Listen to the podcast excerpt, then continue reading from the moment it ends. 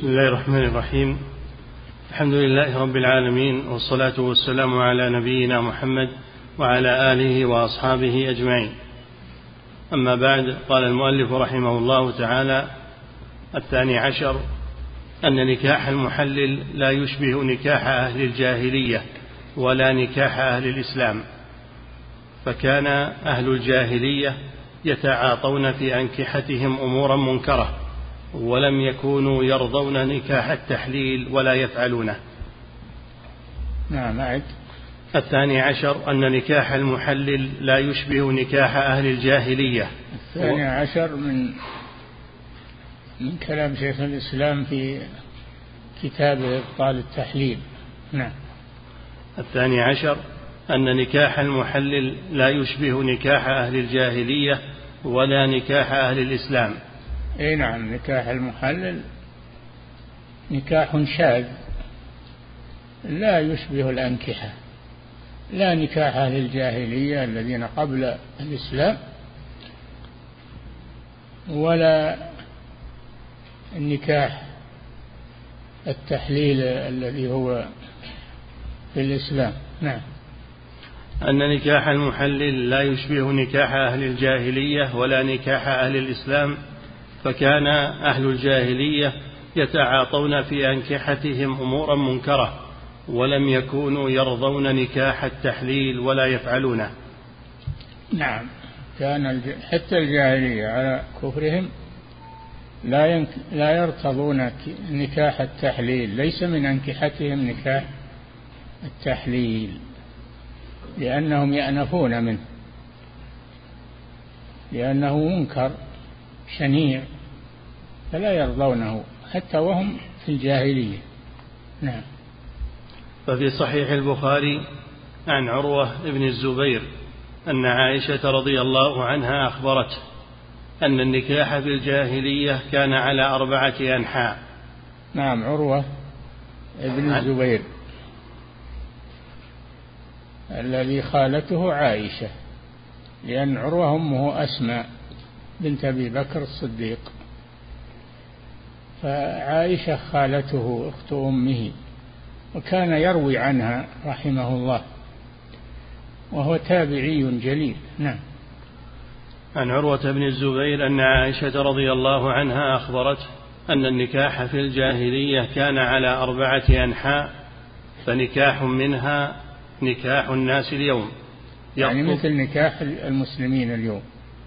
إيجاب وقبول وولي وشهود. نعم. فنكاح منها نكاح الناس اليوم يخطب الرجل إلى الرجل وليته أو ابنته فيصدقها ثم ينكحها. يصدقها يعني يدفع لها الصداق ثم يعقد عليها ينكحها يعني يعقد عليها. نعم. والنكاح الآخر كان الرجل يقول لامرأته إذا طهرت من طمثها أرسلي إلى فلان فاستبضعي منه فيعتزلها زوجها ولا يمسها أبدا حتى يتبين حملها من ذلك الرجل الذي تستبضع منه. نعم الاستبضاع وإذا كان هناك رجل شجاع أو رجل كريم في الجاهلية كانوا كان الزوج يأمر زوجته أن تستبضع منه. لأجل أن تنجب منه شبيها به. فيتركها تذهب إليه فيطأها ثم زوجها يتجنبها إلى أن تكمل عدتها لئلا تكون حملت من هذا المستبضع منه. نعم. حتى يتبين فيعتزلها زوجها ولا يمسها أبدا حتى يتبين حملها من ذلك الرجل الذي تستبضع منه. فإذا تبين حملها أصابها زوجها إذا أحب. نعم. وإنما يفعل ذلك رغبة في نجابة الولد. فكان هذا النكاح نكاح الاستبضاع نعم. ونكاح آخر. يجتمع الرهط ما دون العشرة. هذا نكاح ثالث من أنكحة الجاهلية. يجتمع الرهط ما دون العشرة يدخلون على المرأة التي تريد زوجا فتتخير منهم واحدا. نعم. ونكاح آخر يجتمع الرهط ما دون العشرة فيدخلون على المرأة كلهم يصيبها فإذا حملت ووضعت ومر ليالي بعد أن تضع حملها أرسلت إليهم فلم يستطع رجل منهم أن يمتنع حتى يجتمعوا عندها فتقول لهم قد عرفتم الذي كان من أمركم وقد ولدت فهو ابنك يا فلان تسمي من أحبت باسمه فيلحق به ولدها لا يستطيع أن يمتنع. نعم. هذا الثالث نعم. ونكاح الرابع يجتمع الناس الكثير فيدخلون على المرأة لا تمنع من جاءها وهن البغايا. كن ينصبن على أبوابهن رايات تكون علما. فمن أرادهن دخل عليهن. فإذا حملت إحداهن فوضعت حملها جمعوا لها ودعوا لهم القافة ثم ألحقوا ولدها بل بالذي يرون. فالتاطه ودعي ابنه ودعي ابنه لا يمتنع من ذلك. القافة هم الذين يعرفون الشبه وهؤلاء كلهم وطعوها هؤلاء الجماعة. وكلهم يحتمل أنها أنه منه. فيأتي آه، القافة ينظرون إلى شبهه فيلحقونه بمن عليه شبهه ولا يستطيع أن يمتنع من قبوله. وهم أيضا شركاؤه يتوقفون ما أحد يدعيه. إذا ألحقته القافة بواحد لحق به. هذا الرابع من أنكحة الجاهلية. نعم. فلما بعث الله محمدا صلى الله عليه وسلم بالحق هدم نكاح الجاهلية كله إلا نكاح الناس اليوم. نعم فلما بعث محمد صلى الله عليه وسلم هدم نكاح الجاهلية وبقي نكاح المسلمين اليوم يعني استمر نكاح المسلمين من عهد الرسول إلى اليوم الحمد لله. إيجاب وقبول وولي وشهود نعم. ومعلوم أن نكاح المحلل ليس من نكاح الناس الذي أشارت إليه عائشة رضي الله عنها أن رسول الله صلى الله عليه وسلم أقره ولم يهدمه ولا كان أهل الجاهلية يرضون به فلم يكن من أنكحتهم فإن الفطر والأمم تنكره وتعير به.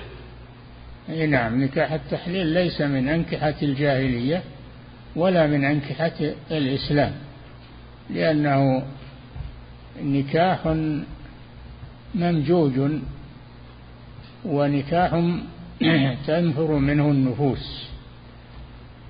يعني أن يتزوجها ويطاها لا رغبة فيها وإنما ليحللها لمن طلقها ثلاثا وهذا هو التيس المستعار ولعنه الرسول. صلى الله عليه وسلم. نعم. فصل وسبب هذا كله معصية الله تعالى ورسوله وطاعة الشيطان في إيقاع الطلاق على غير الوجه الذي شرعه الله. نعم هذا سببه سبب التحليل والتحيل على شرع الله أنهم ما اتبعوا تشريع الله للطلاق. الله جل وعلا قال الطلاق مرتان فإمساك بمعروف أو تسريح بإحسان. ثم قال بعد ذلك فإن طلقها يعني الثالثة فلا تحل له من بعد حتى تنكح زوجا غيره. تنكح زوجا ما هو محلل زوجا. يستزوجها زواج رغبة ثم يطلقها أيضا طلاق رغبة ما هو باحتيال؟ تنكح زوجا غيره. فإن طلقها يعني الثاني فلا جناح عليهما أن يتراجعا بعقد جديد. نعم. وسبب هذا كله معصية الله تعالى ورسوله وطاعة الشيطان في إيقاع الطلاق على, وجه على غير الوجه الذي شرعه الله. والله سبحانه يبغض الطلاق في الأصل. كما نعم الطلاق أبغض الحلال في الحديث أبغض الحلال إلا الله الطلاق. لكنه يباح عند الحاجة وإلا فهو بغيض. فلذلك الطلاق ترتب عليه أمور كثيرة من الأضرار والشرع يريد الاستمرار في الزواج ولا يريد الطلاق والفراق إلا عند الحاجة. نعم. والله سبحانه وتعالى يبغض الطلاق في الأصل كما روى أبو داود من حديث عبد الله بن عمر رضي الله عنهما قال قال رسول الله صلى الله عليه وسلم أبغض الحلال إلى الله الطلاق. وفي سنن ابن ماجه من حديث أبي موسى رضي الله عنه قال قال رسول الله صلى الله عليه وسلم ما بال قوم يلعبون بحدود الله؟ يقول قد طلقتك قد راجعتك قد طلقتك قد راجعتك. نعم لا يجوز هذا. اتخاذ الطلاق والرجعة من باب العبث. يعبث بحكم بالحكم الشرعي. طلقة ثم يراجعها ثم يطلقها ثم يراجعها. ما يصلح هذا هذا لعب. نعم. وفي صحيح مسلم عن جابر بن عبد الله رضي الله عنه قال قال رسول الله صلى الله عليه وسلم إن إبليس يضع عرشه على الماء ثم يبعث سراياه فأدناهم منزلة أعظمهم فتنة.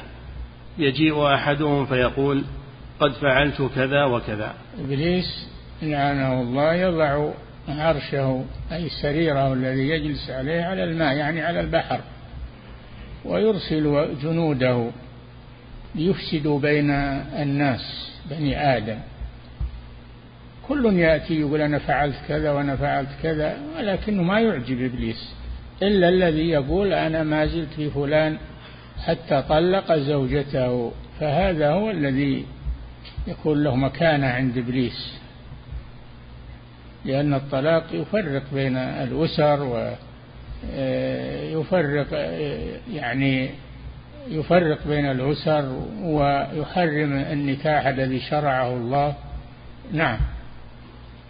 فأدناهم منزلة أعظمهم فتنة يجيء أحدهم فيقول قد فعلت كذا وكذا فيقول ما صنعت شيئا. قال ويجيء أحدهم فيقول ما تركته حتى فرقت بينه وبين أهله. هذا الذي يعجب إبليس نعم. قال فيدنيه منه أو قال فيلتزمه ويقول نعم أنت. نعم. ويقول نعم أنت. فالشيطان وحزبه نعمة نعمة أنت نعم. مدح فيلتزمه ويقول نعم أنت. أي كلمة مدح هذه نعم نعم. فالشيطان وحزبه قد أغروا بإيقاع الطلاق والتفريق بين المرء وزوجه وكثيرا ما يندم المطلق ولا يصبر عن امرأته ولا تطاوعه نفسه أن يصبر عنها إلى أن تتزوج زواج رغبة تبقى فيه مع الزوج إلى أن يموت عنها أو يفارقها إذا قضى منها وطره ولا بد له من المرأة. أحيانا إذا طلقها ولم يكن له آه، سبيل إلى مراجعتها يقتل نفسه. حصل هذا. أن أن المطلق إذا طلق زوجته واستكمل عدد الطلاق وندم وأراد أن يسترجعها ما له حيلة فيقتل نفسه. والعياذ بالله. نعم. فيهرع إلى التحليل وهو حيلة من عشر حيل نصبوها للناس. إحداها التحيل على عدم وقوع الطلاق وهو نوعان. تحيل على عدم وقوعه مع صحة مع صحة النكاح بالتسريح فيأمرونه أن يقول لها إذا طلقتك أو إذا وقع عليك طلاقي فأنت طالق قبله ثلاثا فلا يمكن أن يقع عليها الطلاق بعد هذا لا مطلقا. طالق قبله. قوله أنت طالق قبله يمنع الطلاق الجديد وهو ما وهو كذاب ما طلقها قبله ثلاثا لكن يريد أنه لا يقع عليها طلاق. نعم. فلا يمكن أن يقع عليها الطلاق بعد هذا لا مطلقا ولا مقيدا عن المسرحين فسدوا باب الطلاق وجعلوا المرأة كالغل في عنق الزوج لا سبيل له إلى طلاقها أبدا الحيلة الثانية كالغل ها؟ فجعلوا وجعلوا المرأة كالغل في عنق الزوج نعم لا سبيل له إلى طلاقها أبدا نعم. الحيلة الثانية التحيل على عدم وقوع الطلاق بكون النكاح فاسدا فلا يقع فيه الطلاق.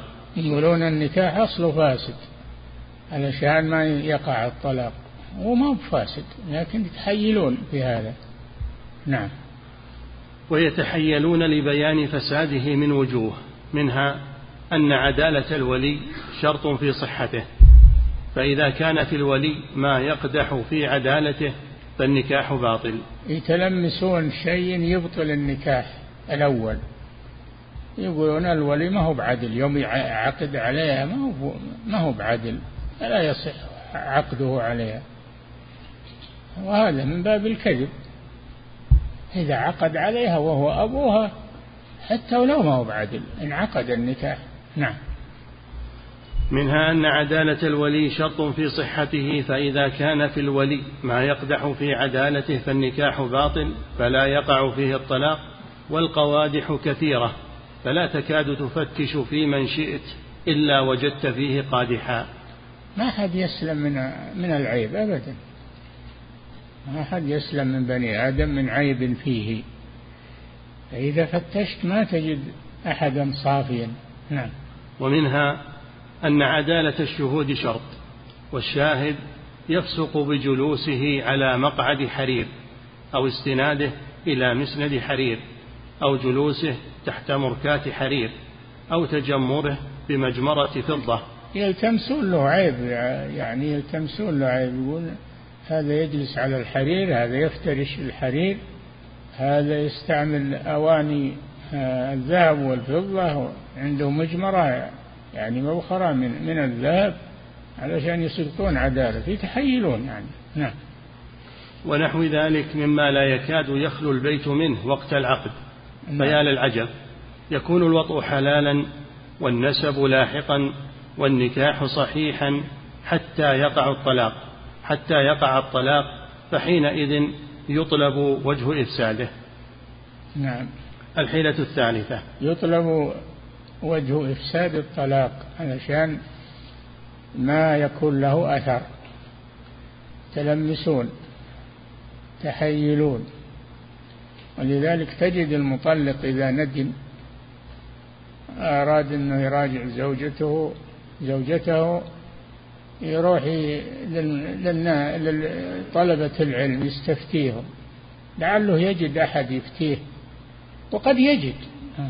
في طلبة العلم منهم من ليس عنده علم ومنهم من ليس عنده يعني ورع. فيجد من يفتيه. نعم. إذا لم يكن فيه خوف من الله يجد من يفتيه. نعم. الحيلة الثالثة التحيل بالمخالعة. حتى يفعل المحلوف عليه فإذا فعله تزوجها بعقد جديد. نعم خالعها. يعني الفسخ المراد بالمخالعة الفسخ. ما, ما يتلفظ بالطلاق. يقول فسختها. يقول فسختها. والفسخ طلاقا. لكن اختلف اللفظ فقط. نعم. الحيلة الرابعة. إذا وقع الفأس في الرأس وحنث وحنث ولا بد اشترى غلاما دون البلوغ. وزوجها وزوجه بها وأمرها أن تمكنه من إيلاج الحشفة هناك. فإذا فعل وهبها إياه فانفسخ نكاحها بملكه فتعتد وترد إلى المطلق. كل هذه حيل باطلة. فإن, فإن عجزوا عن ذلك وأعوزهم انتقلوا إلى الحيلة الخامسة وهي استكراء التيس الملعون المستعار. لينزو عليها ويحلها بزعمه. هذا المحلل نعم. فهذه خمس حيل للخاصة. وأما جهال العامة فلما رأوا أن المقصود التحيل على ردها إلى المطلق بأي طريق اتفق قالوا المقصود هو الرجوع والحيلة مقصودة لغيرها. وأعيان الحيل ليست مقصودة فاستنبطوا لهم خمس حيل أخرى إحداها. أن يأمروا المحلل بأن يطأها برجله فيطأها وهي قاعدة أو مضطجعة برجله. الوطء اللغوي يعني الوطء اللغوي يطأها برجله والمقصود ما هو بالوطء بالرجل المقصود الجماع. فيقول هو وطأها ويشهدون أنه وطأها وطأها يعني برجله. نعم. فيطأها وهي قاعدة أو مضطجعة برجله ثم يخرج. ورأوا أن الوطأ بالرجل أسهل, أسهل عليهم وأقل مفسدة من الوطء بالآلة. نعم. فإن فإنه إذا كان كلاهما غير مقصود فما كان أقل فسادا فما كان أقل فسادا كان أقرب إلى المقصود. نعم. الحيلة الثانية أن تكون حاملا فتلد ذكرا. وكأنهم قاسوا الذكر الذي معها خارجا على الذكر الذي يشقها داخلا. وهذا من جنس قياس التيس الملعون على الزوج المقصود. أي نعم يقولون إذا ولدت إذا كانت مطلقة ثلاثا وولدت ذكرا. قالوا ذكر الولد الجنين هذا مر على فرجها فيكون حللها. للمطلق الأول. نعم. الحيلة الثالثة أن يصب المحلل عليها دهنا يتشربه جسدها ولا يطأها وكأنهم قاسوا تشرب جسدها للدهن وسريانه فيه على تشربه للنطفة وسرايتها فيه. نعم. الحيلة الرابعة السفر عنها أو سفرها عنه فإذا قدم ظن أن ذلك كاف عن الزوج ولا أدري من من أين ألقى إليهم الشيطان ذلك. وكأنهم ظنوا أنهم قد التقوا من الآن وأن السفر قطع حكم ما مضى رأسا. أي نعم ليحصل الفراق بالسفر. هو راح جهة وهي راحت جهة. حصل الفراق. تحلت للأول بهذا الفراق. بزعمهم. نعم. الحيلة الخامسة أن يجتمع على عرفات فإذا وقف بها على الجبل لم تحتج بعد ذلك إلى زوج آخر عندهم. أن يقف هو وإياها على جبل عرفات فإذا وقف على جبل عرفات حلت له بزعمه. نعم. وقد سئلنا نحن وغيرنا عن ذلك وسمعناه منهم. يقول شيخ الإسلام نعم. وقد سئلنا نحن وغيرنا عن ذلك وسمعناه منهم. الوقوف على جبل عرفات وأنه محلل. نعم. فصل. واعلم أن من اتقى الله في طلاقه فطلق كما أمره الله ورسوله وشرعه له أغناه عن ذلك كله. نعم. لو أنهم اتبعوا الشرع في الطلاق ما ندموا. ما ندم زوج على زوجته. أن يطلقها واحدة ويتركها فإن بدا له يراجعها ما رجع ما دامت في العدة. فإذا خرجت من العدة وهو له رغبة فيها يعقد عليها عقدا جديدا ما دام لم يستكمل الثلاث. الشرع ولله الحمد فيه سعة وفيه وفيه وفيه رحمة. نعم. وفيه رفع الحرج. هناك طرق شرعية بدل هالحيل الباطلة. نعم. واعلم أن من اتقى الله في طلاقه فطلق كما أمره الله ورسوله وشرعه له أغناه عن ذلك كله.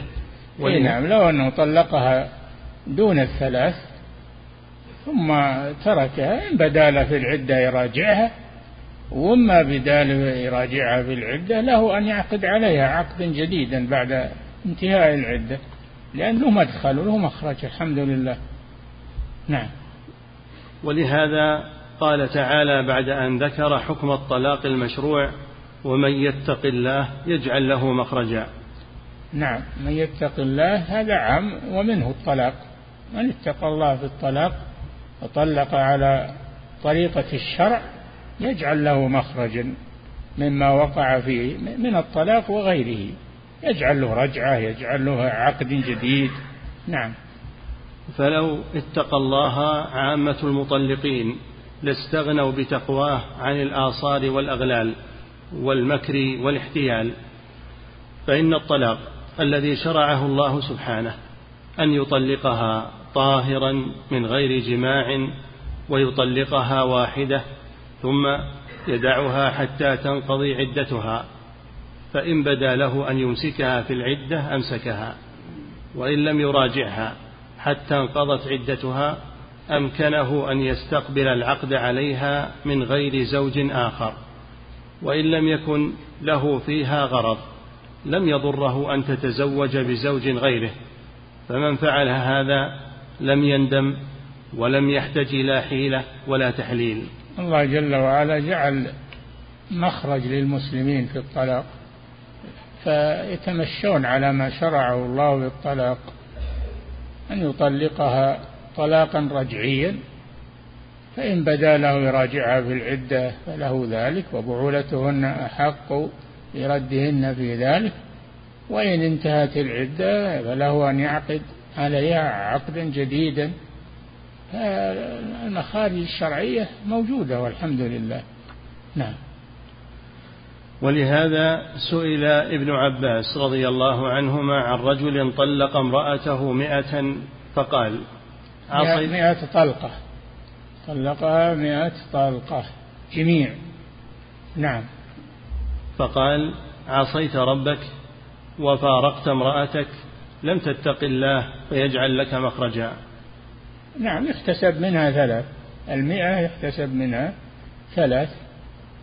هو عصى ربه في ذلك وسد عليه باب الرجوع إلى زوجته فضيق على نفسه وربما يندم ندامة آه، شديدة ربما يقتل نفسه من الندامة. حصل هذا. نعم. وقال سعيد بن جبير جاء رجل إلى ابن عباس فقال إني طلقت امرأتي ألفا. فقال ألف طلقة شوف نعم. فقال أما ثلاث فتحرم عليك امرأتك وبقيتهن وزر. اتخذت آيات الله هزوا؟ نعم. وقال مجاهد كنت اللي يطلق ثلاث جميع اتخذ آيات الله هزوا. الله ما جعل الطلاق ثلاث جعله دون الثلاث. طلقة طلقتين بحيث يكون له مخرج لو أرادها نعم. وقال مجاهد كنت عند ابن عباس فجاءه رجل فقال إنه طلق امرأته ثلاثا فسكت حتى ظننت أنه راد أنه رادها أنه رادها إليه. ثم قال ينطلق أحدكم فيركب الأحموقة. ثم يقول يا ابن عباس يا ابن عباس والله تعالى قال ومن يتق الله يجعل له مخرجا وإنك لم تتق الله فلا أجد لك مخرجا عصيت ربك وبانت منك امرأتك ذكره أبو داود نعم كلام عظيم هذا من ابن عباس رضي الله عنه. نعم. وقد روى النسائي عن محمود بن لبيد قال أخبر رسول الله صلى الله عليه وسلم عن رجل طلق امرأته ثلاث تطليقات جميعا فقام غضبان ثم قال أيلعب بكتاب الله وأنا بين أظهركم؟ حتى قام رجل فقال يا رسول الله ألا أقتله؟ نعم. جاء, جاء الرسول هذا الرجل وقال إنه طلق امرأته ثلاثا وغضب الرسول صلى الله عليه وسلم. وقال أيلعب بكتاب الله؟ لأن الله ما ما شرع الطلاق ثلاثا بكلمة واحدة بل جعله مفرقا ليجعل للزوج مخرجا لو ندم لو أراد أن يرجع. فهو سد الباب على نفسه في كونه تلفظ بالثلاث. فليس له مخرج إذا تلفظ بالثلاث ليس له مخرج. نعم.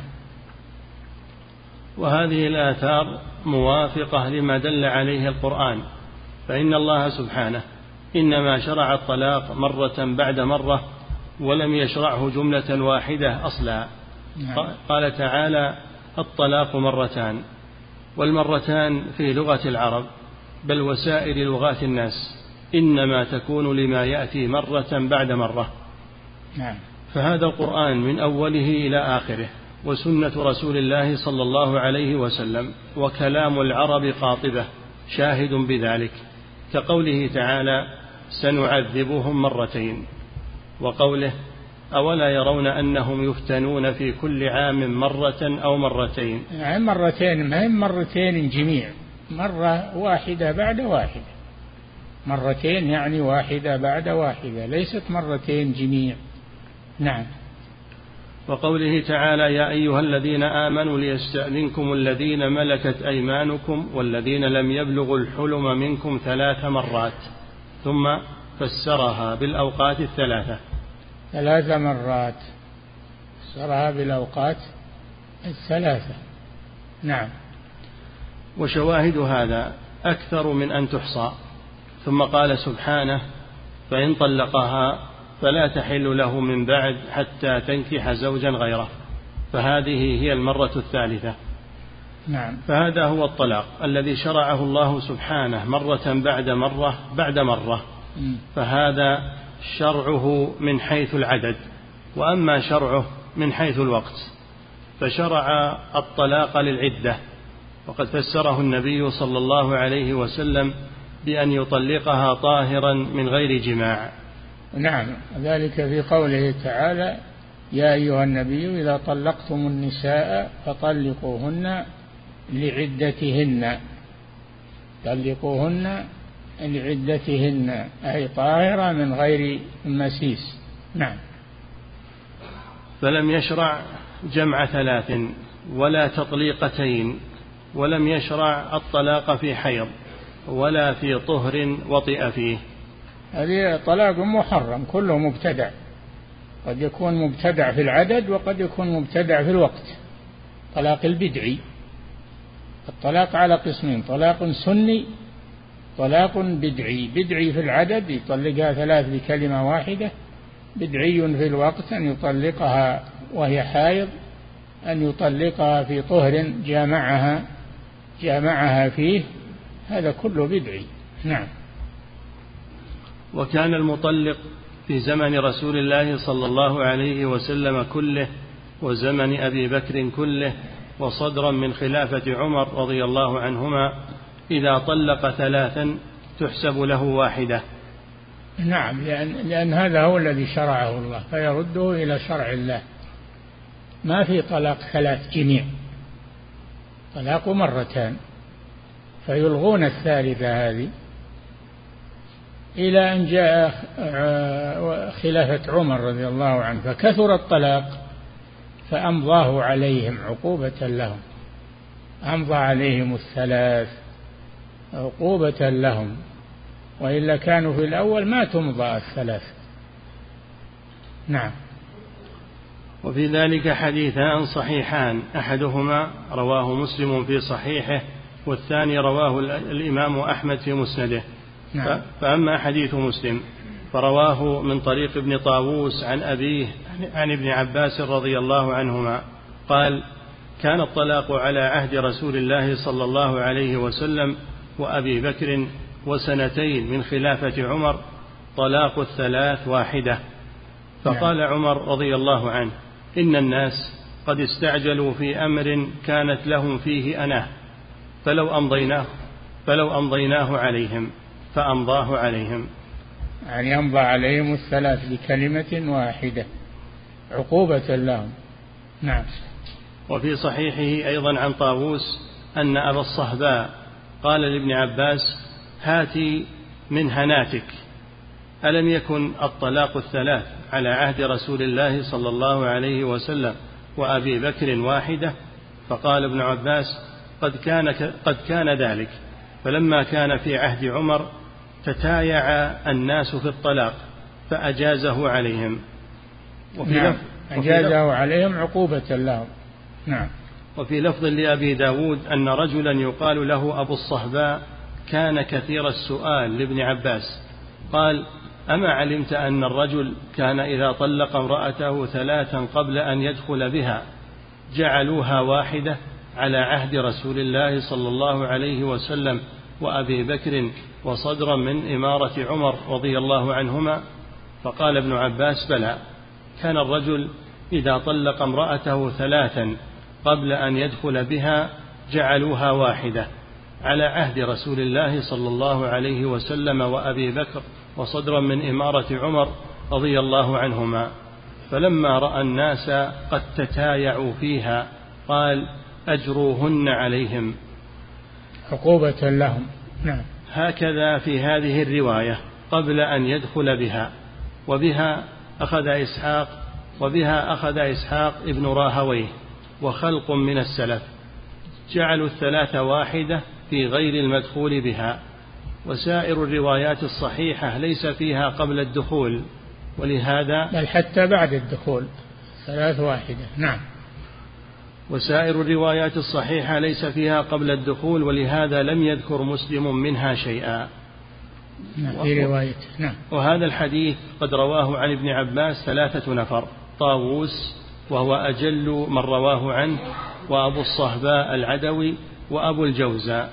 وحديثه عند الحاكم في المستدرك ولفظه أن أبا أن أبا الجوزاء أتى ابن عباس فقال أتعلم أن الثلاث كنا يرددن على عهد رسول الله صلى الله عليه وسلم إلى واحدة؟ قال نعم. قال الحاكم هذا حديث صحيح الإسناد ولم يخرجاه ورواية طاووس نفسه. ورواية طاووس نفسه عن ابن عباس ليس في شيء منها قبل الدخول وإنما حكى ذلك طاووس عن سؤال أبي الصهباء لابن عباس فأجابه ابن عباس بما سأله عنه ولعله إنما بلغه جعل الثلاث واحدة في حق مطلق قبل الدخول فسأل عن ذلك ابن عباس وقال كانوا يجعلونها واحدة.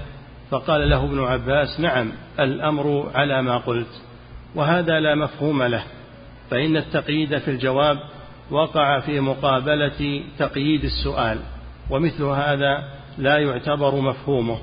نعم لو لم يكن السؤال مقيدا. فقيد المسؤول الجواب كان مفهومه معتبرا وهذا كما إذا سئل عن فأرة وقعت في سمن فقال إذا وقعت الفأرة في السمن فألقوها وما حولها وكلوه لم يدل ذلك على تقييد الحكم بالسمن خاصة. بل في كل السوائل كل السوائل إذا وقعت فيها الفأرة تؤخذ وتلقى وينتفع بما وقعت فيه. نعم. وبالجملة فغير المدخول بها فرد من أفراد النساء فذكر النساء مطلقا في أحد الحديثين وذكر بعض أفرادهن في الحديث الآخر فلا تعارض بينهما. وأما ذكر الحديث الآخر ذكر ذكر وبالجملة فغير المدخول بها فرد من أفراد النساء فذكر النساء مطلقا في أحد الحديثين وذكر بعض أفرادهن في الحديث الآخر فلا تعارض بينهما. نعم. وأما الحديث الآخر فقال أبو داود في سننه. حدثنا أحمد بن صالح قال حدثنا عبد الرزاق قال حدثنا ابن جريج قال أخبرني بعض بني أبي رافع مولى النبي صلى الله عليه وسلم عن عكرمة عن ابن عباس رضي الله عنهما قال طلق عبد يزيد أبو ركانة وإخوته أم ركانة.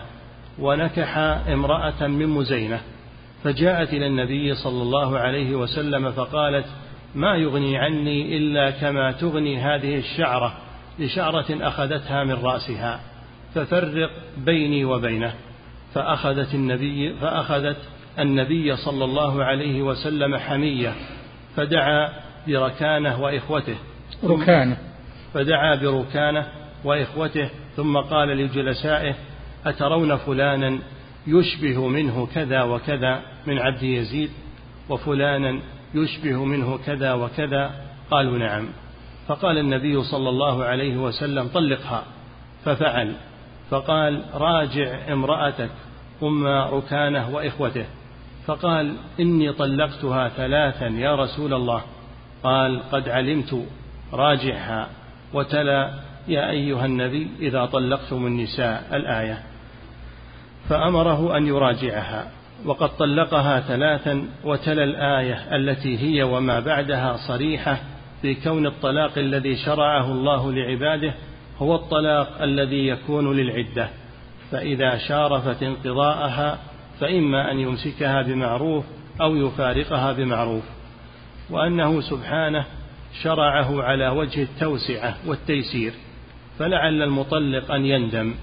فيكون له سبيل إلى الرجعة وهو قوله سبحانه لا تدري لعل الله يحدث بعد ذلك أمرا. فأمره بالمراجعة وتلاوته الآية كاف في الاستدلال على ما كان عليه الحال. فإن قيل فهذا الحديث فيه مجهول وهو بعض بني أبي رافع والمجهول لا تقوم به حجة فالجواب من ثلاثة أوجه. أحدها أن الإمام أحمد قد قال في المسند نقف عند هذا نقف عند هذا. نعم.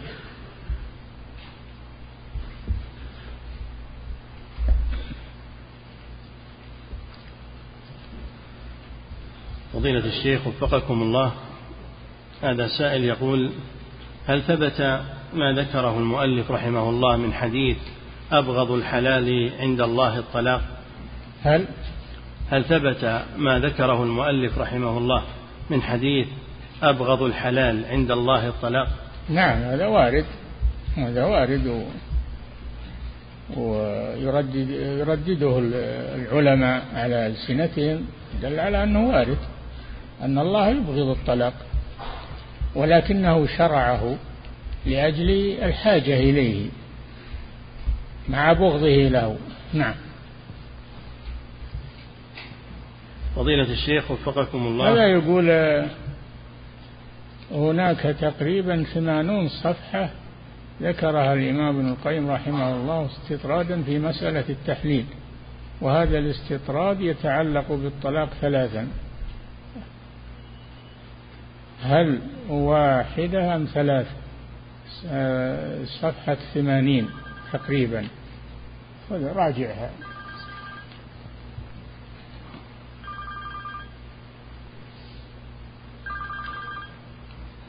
فضيلة الشيخ وفقكم الله هذا سائل يقول هناك بعض الناس يتزوجون بأربع نساء ويكون زواجهم هذا لغرض التنويع والمتعة فيطلقون واحدة ثم يأخذون أخرى وهكذا. إيش؟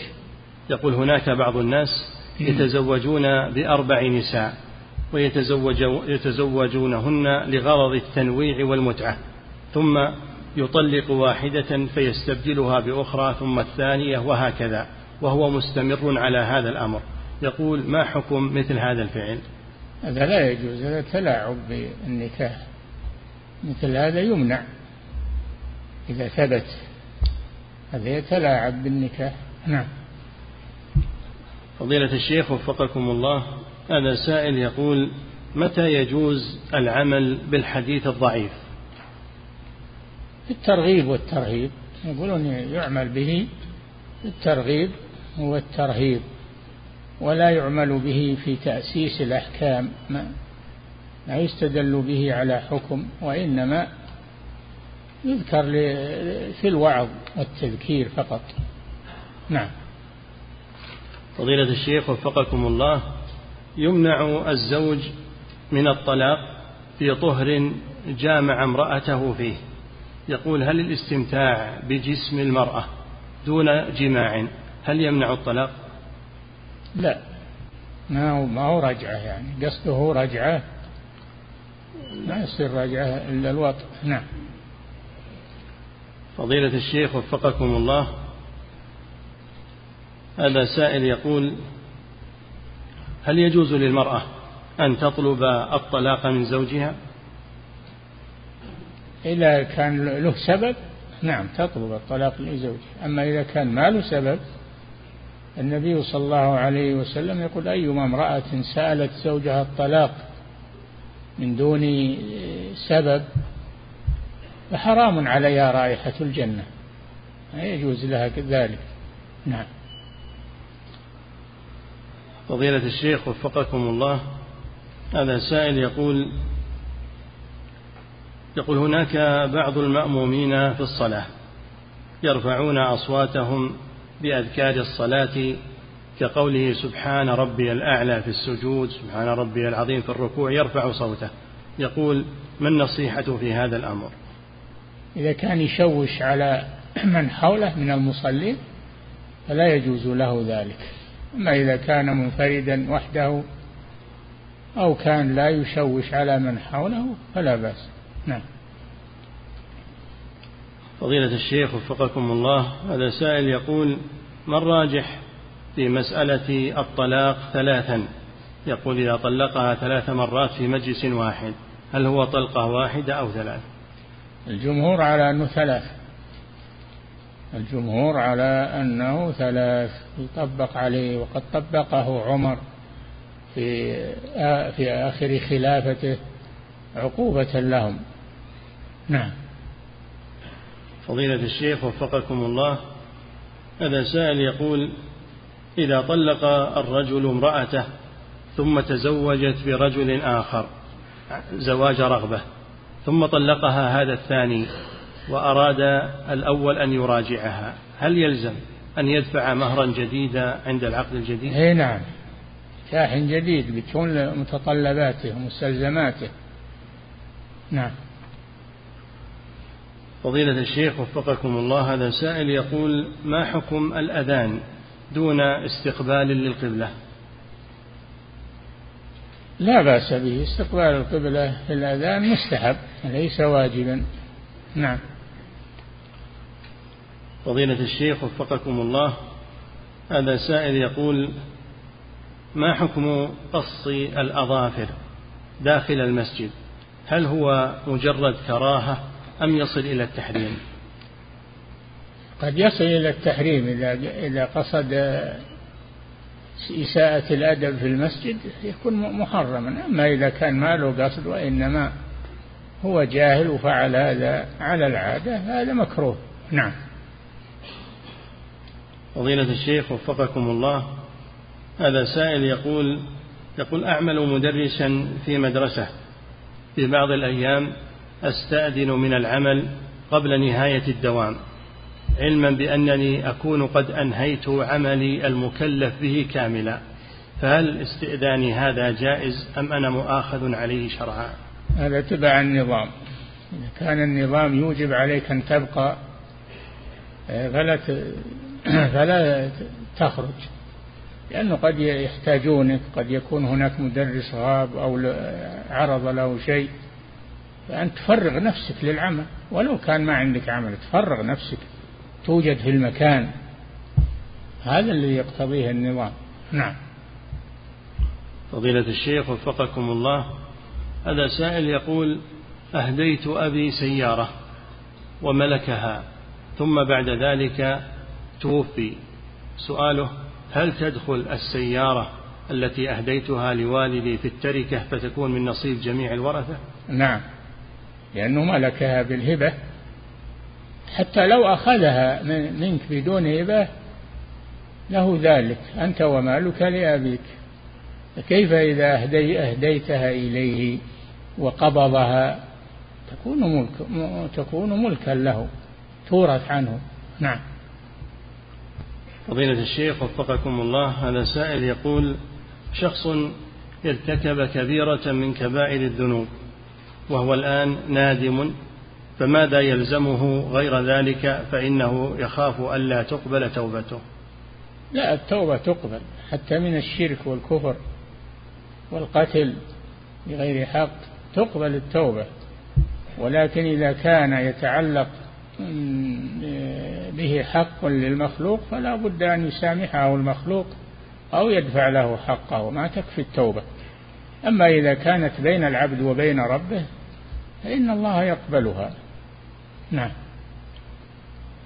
فضيلة الشيخ وفقكم الله هذا سائل يقول هل يصح أن يكون خال المرأة وليا لها في النكاح؟ هل يصح؟ أن يكون خال المرأة. لا. ول... لا. وليها من عصبتها. ما من ذوي الأرحام؟ الخال من ذوي الأرحام. ليس وليا لها. وليها العصبة. نعم. فضيلة الشيخ وفقكم الله هذا سائل يقول بالنسبة لصلاة الجنازة هل يقال فيها دعاء الاستفتاح؟ لا.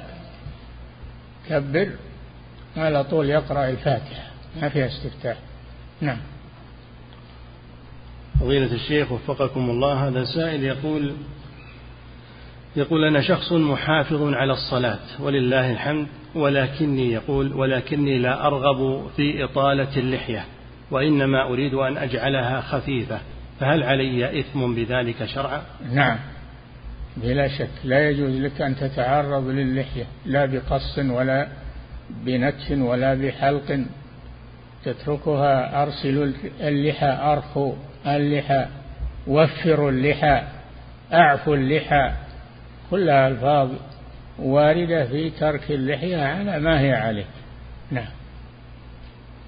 فضيلة الشيخ وفقكم الله هذا السائل يقول من وقع في كبيرة من كبائر الذنوب فهل الأفضل له أن يذهب إلى الحاكم ليقيم عليه الحد أم يستر نفسه؟ نعم يستر نفسه. ستره الله يتوب إلى الله ويستر نفسه.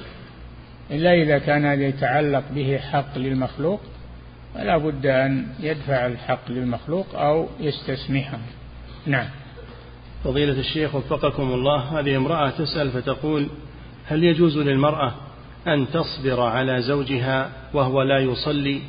أم يجب عليها أن تطلب الخلع أو الطلاق؟ يجب عليها. لا تبقى معه وهو لا يصلي لأن تارك الصلاة متعمدا كافر. الله جل وعلا يقول فإن علمتموهن مؤمنات فلا ترجعوهن إلى الكفار. لا هن حل لهم ولا هم يحلون لهن. وتارك الصلاة متعمدا كافر خارج عن دين الإسلام. لا حظ في الإسلام لمن ضيع الصلاة. نعم. فضيلة الشيخ وفقكم الله هذا سائل يقول عند الدعاء هل يقول الإنسان اللهم آمين أو يكتفي بقوله آمين بدون اللهم؟ ما في مانع. يقول آمين أو اللهم آمين. لا, لا مانع من ذلك. نعم. فضيلة الشيخ وفقكم الله هذا سائل يقول هل المسعر يعد من أسماء الله عز وجل وما لا. معناه؟ لا. ما ما هو من أسماء الله؟ ما هو من أسماء الله؟ الرسول قالوا له عليه الصلاة والسلام سعر لنا. قال المسعر الله هذا من باب الإخبار ما هو من باب التسمية. نعم. فضيلة الشيخ وفقكم الله هذا سائل يقول ما حكم الزيادة على قول إن الله هو المسعر القابض الباسط. نعم. فضيلة الشيخ وفقكم الله هذا سائل يقول ما حكم الزيادة على قوله أستغفر الله أستغفر الله في أذكار ما بعد الصلوات المفروضة؟ هل الأفضل أن يقول أستغفر الله وأتوب إليه أو يقرأ سيد الاستغفار أو يكتفي بقوله كله أستغفر جائز الله؟ كله جائز. كله استغفار. نعم. فضيلة الشيخ وفقكم الله هذا سائل يقول سمعت أحد طلبة العلم يقول إن قراءة سورة النور عند النوم نافع في العلاج من الأمراض. فهل ما ذكره مشروع؟ يذكر دليل يطلب منه الدليل على هذا ولا ما ما يؤخذ عنه هذا الكلام؟ إن جاب دليل صحيح يقبل منه ولا أعلم دليل على هذا. نعم. فضيلة الشيخ وفقكم الله هذا سائل يقول إذا كان المسلم يمكث في المسجد طويلا فهل يجوز له أن يشحن جواله من كهرباء المسجد؟ إذا كان شيء عارض فلا بأس. أما إذا كان شيء دائم لا ما يجوز له هذا. نعم. فضيلة الشيخ وفقكم الله هذا سائل يقول ما حكم قيام الرجل الأجنبي بتعليم المرأة القرآن؟ اليوم الحمد لله النساء المتعلمات كثيرات ولا حاجة إلى الرجل. تتعلم القرآن على امرأة. وفي الجمعيات الخيرية وفي موجود هذا النساء يدرسن. مع لا حاجة للرجال مع النساء. نعم. فضيلة الشيخ وفقكم الله هذا سائل يقول أنا من أهل جدة وآتي للرياض كل أسبوع. ثلاثة أو أربعة أيام لأجل الدراسة ثم أعود بعد ذلك إلى أهلي بجدة. سؤاله هل لي أن أجمع وأقصر الصلاة بالرياض؟ إذا كانت إقامتك أقل من أربعة أيام نعم. لأنه لم ينقطع السفر أما إذا نويت إقامة أكثر من أربعة أيام انقطع السفر فلا تقصر ولا تجمع في الرياض. نعم. فضيلة الشيخ وفقكم الله هذا سائل يقول عندنا أحد جماعة المسجد كل يوم بعد صلاة الفجر يقوم بقراءة سورة ياسين فهل لهذا أصل؟ ها؟ يقول عندنا أحد جماعة المسجد كل يوم بعد صلاة الفجر يقوم بقراءة سورة ياسين فهل لذلك أصل؟ لا أعلم له دليلا تخصيص سورة ياسين وأيضا يداوم عليها لا أعلم لذلك دليلا نعم. فضيلة الشيخ وفقكم الله هذا السائل يقول ما حكم الشركة في الوقف؟ فيكون جزءا من العين وقفا فيكون جزء من العين وقفا وجزء منه ليس بوقف. لا بأس يوقف. نصف نصف العين ثلثها ربعها ما صار. لا بأس. نعم. فضيلة الشيخ وفقكم الله هذا سائل يقول بعض المؤذنين يترك بعض السنن بحجة زوال العلة فمثلا يترك الالتفات في الحيعلتين بحجة أن الالتفات إنما شرع لزيادة الصوت وقد توفر الآن مكبر الصوت فلا حاجة للالتفات فهل ما يذكرونه صحيح؟ لا ما هو صحيح. يلتفت في الحي على آه، يمينا وشمالا. سنة هذا من سنن الأذان. نعم. ويضع أصبعيه في أذنيه هذا من سنن الأذان. نعم.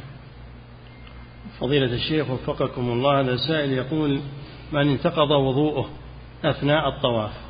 فهل يجب عليه أن يستأنف الطواف من جديد؟ نعم. لا بد من استئناف الطواف من جديد لأن الطواف بطل بانتقاض الوضوء. نعم.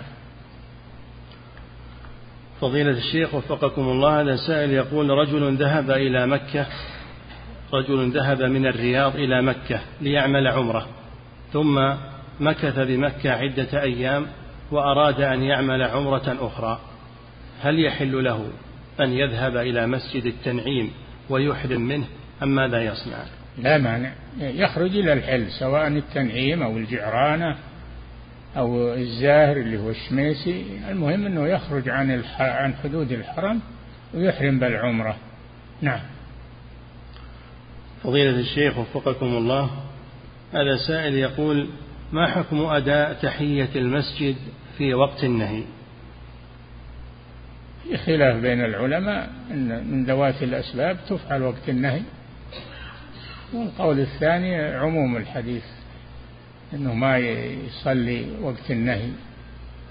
أنه وقت النهي ما يصلي. يأخذون بعموم الحديث النهي يأخذون بعموم النهي. والذين يقولون يصلي يأخذون بعموم الأمر. وكلاهما إن شاء الله على حق. كل له دليله. نعم. فضيلة الشيخ وفقكم الله. هذا سائل يقول ما حكم الاقتراض لأجل الذهاب إلى الحج الواجب أو العمرة الواجبة. ما يلزمه ذلك لكن إن كان يثق من أنه سيسدد وسيأتيه مال أو يحصل على مال يسدد القرض كونه يقترض لحج الفريضة لا مانع بل قد يجب عليه ذلك لأنه استطاع إليه سبيلا. أما النافلة فلا. نعم. فضيلة الشيخ وفقكم الله هذا سائل يقول رجل بعدما انتهى من الحج سافر إلى بلده الرياض وهو لم يطف طواف الوداع ثم أخبر أن عليه دم. سؤاله هل يجزى عن الدم أن أرجع وأطوف؟ لا.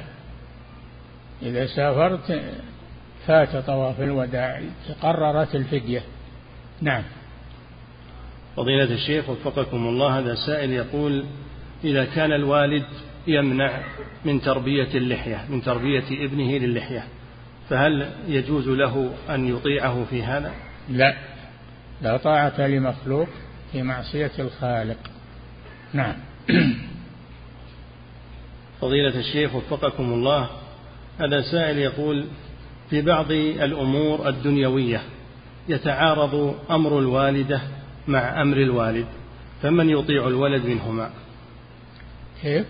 يقول في بعض الأمور الدنيوية يتعارض أمر الوالدة مع أمر الوالد فمن يطيع الولد منهما يطيع أباه أو يطيع, يطيع الوالدة ويستسمح أباه ويطيب خاطره يستسمحه.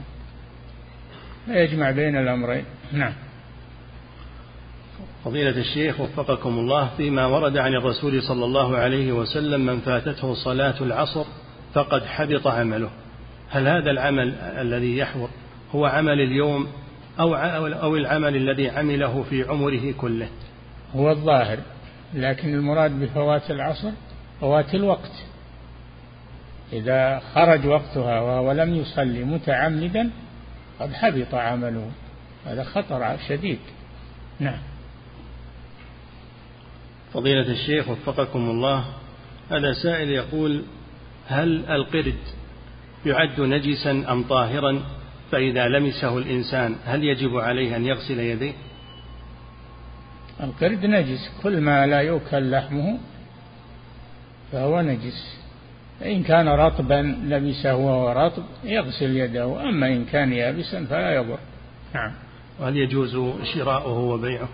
لا لا يجوز. نعم. فضيلة الشيخ وفقكم الله. هذا سائل يقول يلحظ أن بعض المستقيمين يزهد في صلاة الاستسقاء ويقول قبل أن تصلوا صلاة الاستسقاء اتركوا الذنوب فترة ثم بعد ذلك استسقوا. هذا كلام جاهل. صلاة الاستسقاء سنة مؤكدة. سنة مؤكدة. اللي يقول اتركوها؟ هذا جاهل. يأمر بترك سنة ثابتة عن الرسول صلى الله عليه وسلم. نعم. فضيلة الشيخ وفقكم الله هذا سائل يقول هل يشترط لصحة الأذان أن يكون المؤذن على وضوء؟ لا ما يشترط لكن أفضل أنه يكون على وضوء. نعم. فضيلة الشيخ وفقكم الله هذا سائل يقول حفظ القرآن الكريم عن ظهر قلب هل هو أمر واجب على المسلم؟ ما هو واجب لكنه أفضل وأحسن. نعم. فضيلة الشيخ وفقكم الله هذا سؤال يقول هناك شخص كان يأخذ من الناس أموالهم بدون علم بدون أن يعلموا ثم رزقه الله بمال وأراد أن يرجعها إليهم لكنه لا يعرف أماكنهم. سؤاله ماذا يصنع بهذا المال؟ هل يتصدق به عنهم؟ عليه أن يعمل كل الأسباب لرد مالهم إليهم أو مسامحتهم. فإذا لم يستطع فيتصدق به عنهم. نعم. فضيلة الشيخ وفقكم الله هذا سائل يقول رجل لم يصلي المغرب ثم أتى خلف إمام يصلي العشاء فماذا يصنع؟ يجلس إذا قام الإمام للرابعة هو يجلس. إن شاء انتظر الإمام وسلم معه وإن شاء سلم لنفسه. نعم. فضيلة الشيخ وفقكم الله هذا سائل يقول عندنا عادة وهي عادة الجثو والبروك على الركب للإنسان إذا حضر احتراما له.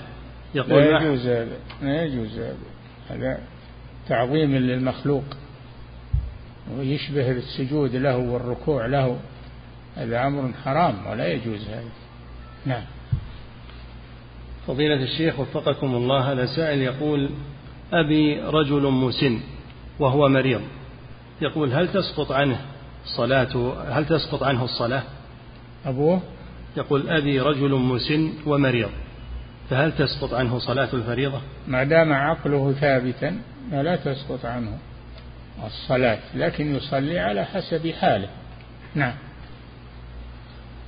فضيلة الشيخ وفقكم الله وهذا سائل يقول أبي رجل كبير السن ولكبر سنه فإنه يقوم بالدعاء علي دائما بسبب وبدون سبب.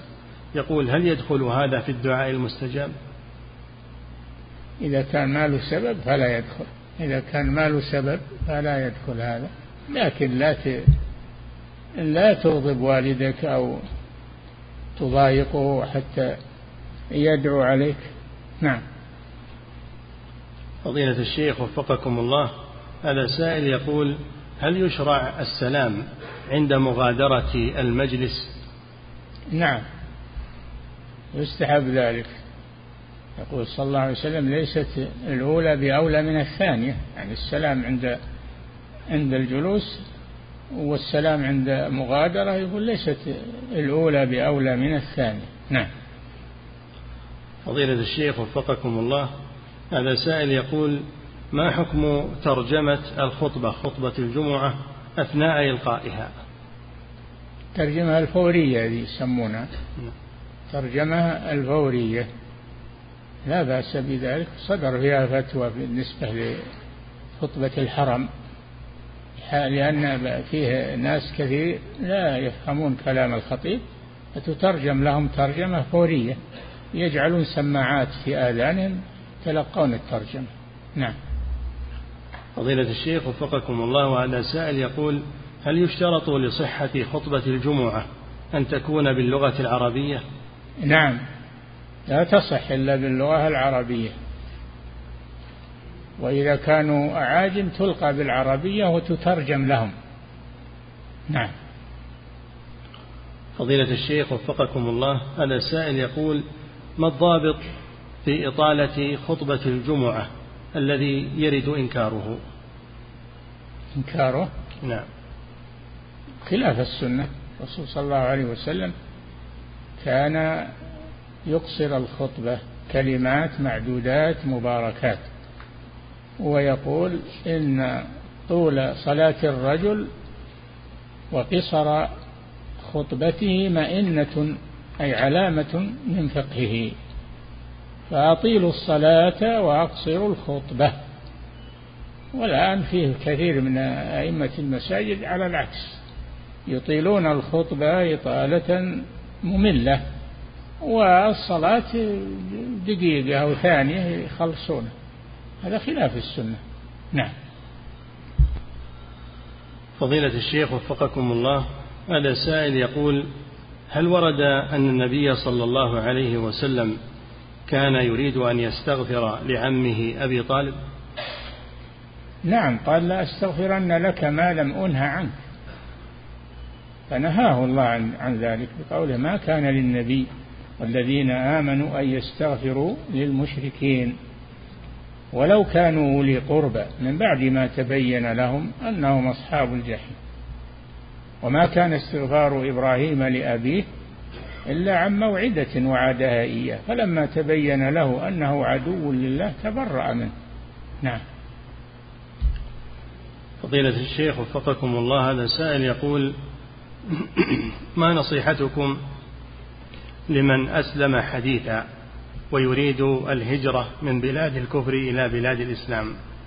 هذا طيب. إذا تمكن من الهجرة تجب عليه تجب عليه الهجرة إلى بلاد الإسلام. وإذا لم يتمكن تمسك بدينه ويبقى في بلده إلى أن إلى أن يستطيع الهجرة. فيهاجر نعم. فضيلة الشيخ وفقكم الله هذا سائل يقول من صلى بدون وضوء ناسيا. ثم تذكر بعد فترة هل يلزمه إعادة الصلاة؟ بلا شك نعم. الصلاة ما هي صحيحة بدون وضوء يعيد الصلاة نعم. فضيلة الشيخ وفقكم الله هذا سائل يقول هل يجوز للخاطب أن يجلس مع خطيبته ويتردد عليها باستمرار ليعرفها وتعرفه؟ بدون خلوة. يجوز هذا بدون خلوة بحضور وليها. نعم. فضيلة الشيخ وفقكم الله هذا سائل يقول بالنسبة للاحتلام هل يجب الغسل؟ أه؟ بالنسبة للاحتلام هل يجب الغسل على من احتلم؟ إي نعم إذا خرج منه شيء يغتسل أما إذا احتلم ولم يخرج منه شيء فليس عليه. قال صلى الله عليه وسلم إنما الماء من الماء. نعم. فضيلة الشيخ وفقكم الله إذا لم يردد المسلم الأذان مع المؤذن لم يردد ألفاظ الأذان. هل يشرع له أن يقرأ الدعاء الوارد بعد الأذان؟ اللهم رب هذه الدعوة التامة. نعم. أقول لا بس لكن الأفضل أنه يتابع المؤذن ثم يأتي بالدعاء. نعم. فضيلة الشيخ وفقكم الله هذا سائل يقول إذا دخل المسلم أثناء الأذان الثاني وقبل الخطبة فهل يشرع له أن يبدأ بتحية المسجد أو ينتظر حتى ينتهي المؤذن. لا يبادر علشان يتفرغ لسماع الخطبة. يبادر ولو كان المؤذن يؤذن من أجل أن ويخففها أيضا من أجل أن يتفرغ لسماع الخطبة. نعم. فضيلة الشيخ وفقكم الله هذا سائل يقول هل يجوز للخاطب أن يخفي مرضه عن مخطوبته؟ لا. هذا غش ولا يجوز. نعم. فضيلة الشيخ وفقكم الله هذا سائل يقول هل يجوز الاستعانة بالنصارى أو غيرهم من الكفار؟ الاستعانة بهم في بعض الأمور في المسجد في البناية؟ لا بأس. إذا صاروا عمال أو مهندس لا بأس بذلك. نعم. فضيلة الشيخ وفقكم الله بالنسبة للسيئات هل تكون مضاعفة في مكة كما تضاعف الحسنات؟ السيئات ما تضاعف بالعدد لكنه تغلظ في مكة. السيئة تغلظ في مكة ولا تضاعف في العدد. أما الحسنة فتضاعف بالعدد. نعم. فضيلة الشيخ وفقكم الله هذا السائل يقول إذا كان الخف مخرقا أو فيه شقوق هل يجزئ المسح عليه؟ لا إذا كان يظهر شيء من الجلد فلا يجوز المسح عليه. نعم. فضيلة الشيخ وفقكم الله هذا سائل يسأل يقول ما حكم عملي في البنك إذا كان هذا البنك يتعامل بالحرام وبالحلال؟ تعامل معه في الحلال. ولا تعامل معه بالحرام. النبي صلى الله عليه وسلم كان يتعامل مع اليهود مع أنهم يأكلون الربا تعامل معهم في الحلال. نعم. فضيلة الشيخ وفقكم الله هذا سائل يقول ما طريقة أو ما الطريقة الشرعية التي يستطيع بها المسلم التخلص من الأموال المحرمة التي تحصل عليها؟ ما الطريقة إيش؟ ما الطريقة الشرعية؟ التي يستطيع بها الإنسان التخلص من الأموال المحرمة التي تحصل عليها. يضعها في مشروع يضعها في مشروع ينفع الناس. يضعها في مشروع ينفع الناس. تخلص منها. نعم. فضيلة الشيخ وفقكم الله هذا سائل يقول هل يجوز للرجل يعني تصير مثل المال الضايع؟ يوضع في مشروع ينفع الناس. نعم. فضيلة الشيخ وفقكم الله هذا سائل يقول هل يجوز للرجل أن ينادي أباه بالكنية إذا كان أبوه لا يكره هذا الأمر؟ نعم لا بأس بل هذا آه هذا من باب التوقير. يا أبو فلان يا من باب التوقير. يقول لأبيه يا أبا فلان من باب التوقير له والاحترام. نعم. انتهى. الله تعالى أعلم وصلى الله وسلم على نبينا محمد وعلى آله وصحبه أجمعين.